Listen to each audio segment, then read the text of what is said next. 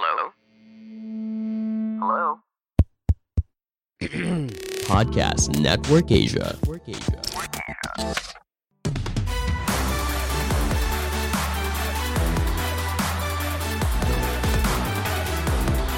My way or no way.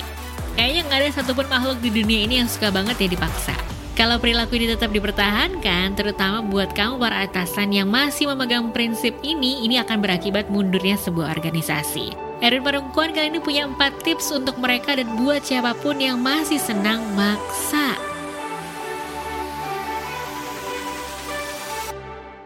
Apakah teman-teman makin sering merasakan berhadapan dengan orang-orang yang punya prinsip my way or no way? Nah, kalau makin sering, orang-orang yang masuk kategori my way or no way adalah mereka yang suka ngotot, suka maksa, dan tidak punya ruang untuk mengerti orang lain. Nah, mereka ini masuk kategori orang-orang yang otoriter. Terutama di dalam sebuah hierarki di perusahaan ya. Para bos yang selalu merasa paling benar dan tidak mau mendengarkan masukan dari para tim di bawahnya. Nah, kalau dikategorikan perilaku ini di dalam konteks komunikasi, tentu akan mengakibatkan tidak ada hubungan yang harmonis dan selaras yang akan terjadi di dalam organisasi itu. Sehingga akan sangat sulit terjadi yang namanya teamwork yang solid. Dikarenakan si bos atau atasanmu tidak punya kemampuan mendengar juga menghargai setiap perbedaan pendapat yang ada dalam organisasi. Wah, saya aja sering banget. Oke, Mas gini aja mas, kenapa nggak gini gini? Oh gitu ya, gitu ya, gitu ya, oh gitu ya. Kenapa kamu mikir gitu daripada apa yang saya sampaikan? Ya soalnya gini mas, sekarang tuh gini gini gini nih. Oke oke oke, ya udah, ya udah kita coba deh cara kamu ya daripada cara saya. Nah saya juga melakukan itu tuh teman-teman dalam pekerjaan saya. Kalau kalau si bos itu terus ngotot dan otoriter, apa yang akan terjadi selanjutnya? Bila hal ini tidak diatasi dan bagaimana perasaan anak-anak buahnya. Apakah kemudian perusahaan akan dapat bertahan menghadapi tantangan zaman yang makin cepat dan membutuhkan banyak manuver atau strategi taktis untuk bisa survive dan makin kuat? Nah, jawabannya pasti enggak, enggak, enggak, enggak, enggak. Sulit ya merubah orang ya.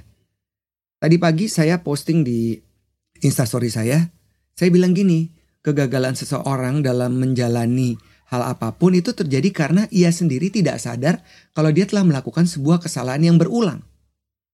Ya kan? Ya dong. Kita suka salah, kita suka salah, kita suka salah, salah terus akhirnya kita jadi marah-marah, nyarain orang, jealous atau envy sama orang. Tapi kita nggak pernah tanya ke dalam diri kita, what went wrong? Apa yang salah ya sama gua? Kemarin ya, dalam sebuah diskusi, salah satu tim kantor saya bilang gini, aduh saya tuh orangnya kompetitif ya mas. Iya. Ah tadi padahal saya pengen gini gini gini gini. Saya bilang berkompetisi itu bagus banget. Karena itu akan memaksakan kita untuk selalu bisa memperbaiki atau menuju hal yang kita ingin capai. Tapi kalau kompetisi itu betul-betul hardcore, akhirnya kan kita ignore ya. Kita nggak peduli sama orang lain, Kemudian kita juga nggak pernah punya waktu untuk melihat ke dalam diri kita dan bertanya, kalau gue melakukan tindakan seperti itu tuh apa dampaknya terhadap orang lain ya? Apa dampaknya terhadap my role and responsibility? Nah, adanya empat generasi yang saling berbeda pemahaman di dalam kehidupan, terutama di pekerjaan, mulai dari cara pendidikan, latar belakang, budaya, bahkan cara menangkap sebuah pesan, ini kemudian berpotensi semakin kisruhnya si jalur komunikasi ini yang selalu menjadi tulang punggung utama berjalannya roda usaha, entah itu lebih cepat, lebih lambat, atau stagnan, tentu sangat bergantung kepada kemampuan setiap orang dalam berkomunikasi. Dan semua orang setuju dengan komunikasi sebagai senjata ampuh untuk membuat organisasi bisa terus berkembang atau makin jelek. Nah, mengutarakan pendapat, mencapai sebuah kesepakatan bersama, ini menjadi sangat absolut teman-teman. para pemimpin perusahaan terutama yang biasanya datang dari generasi baby boomers, lahir setelah Perang Dunia Kedua. Ini istilah dari Amerika ya teman-teman, the baby boomers. Boom banyak bayi lahir gitu. Kemudian membuat mereka menjadi pribadi yang sangat kuat, tangguh, dan punya kecenderungan kaku, termasuk ngotot itu tadi. Dan generasi berikutnya, generasi X, lebih lentur dan anti kekakuan. Nggak suka hal-hal yang baku, mereka selalu punya kecenderungan anti mainstream dan mendobrak hal-hal yang sudah ada sebelumnya dari sang generasi baby boomers atau sebelumnya the traditionalist. Terus kalau kita turun ke bawah lagi ada generasi millennials dan Z adalah produk dunia modern dan internet akses yang membuat mereka sangat tech savvy. Gak suka basa-basi, gak suka panjang ngomongnya, bicaranya langsung, pendek-pendek. Nah, generasi yang serba cepat ini maunya juga cepat. Jadi, kalau di dalam organisasi itu pasti kusut ya. Kalau si bos otoriter dan nggak mau memahami generasi teh savvy ini. Nah, banyak tuh gesekan dalam berinteraksi dan berkomunikasi. Yang lahir menurut kacamata saya melalui pengalaman saya itu saling muncul karena berbeda sudut pandang background. Boomers, baby boomers yang gaptek, tidak bisa menggunakan smartphone dari dulu dan gak pernah ada juga dalam hidup mereka. Dan melihat generasi millennials yang gak bisa lepas dari gadget. Termasuk ketika sang bos, ini contoh ya, lagi bicara. Terus melihat salah satu tim yang millennials atau Z ini main HP. Ini sudah diasumsikan, tidak memperhatikan. Dan kemudian bisa ya yang otoriter ini menghardik. Eh kamu ngapain main handphone aja? Kamu gak dengerin saya ngomong? Eh ternyata ya salah sih bos. Karena asik bermain asumsi. Ngelihat orang main handphone, megang handphone ngetik-ketik, dipikir dia lagi main game atau chatting sama orang lain. Dia nggak cek.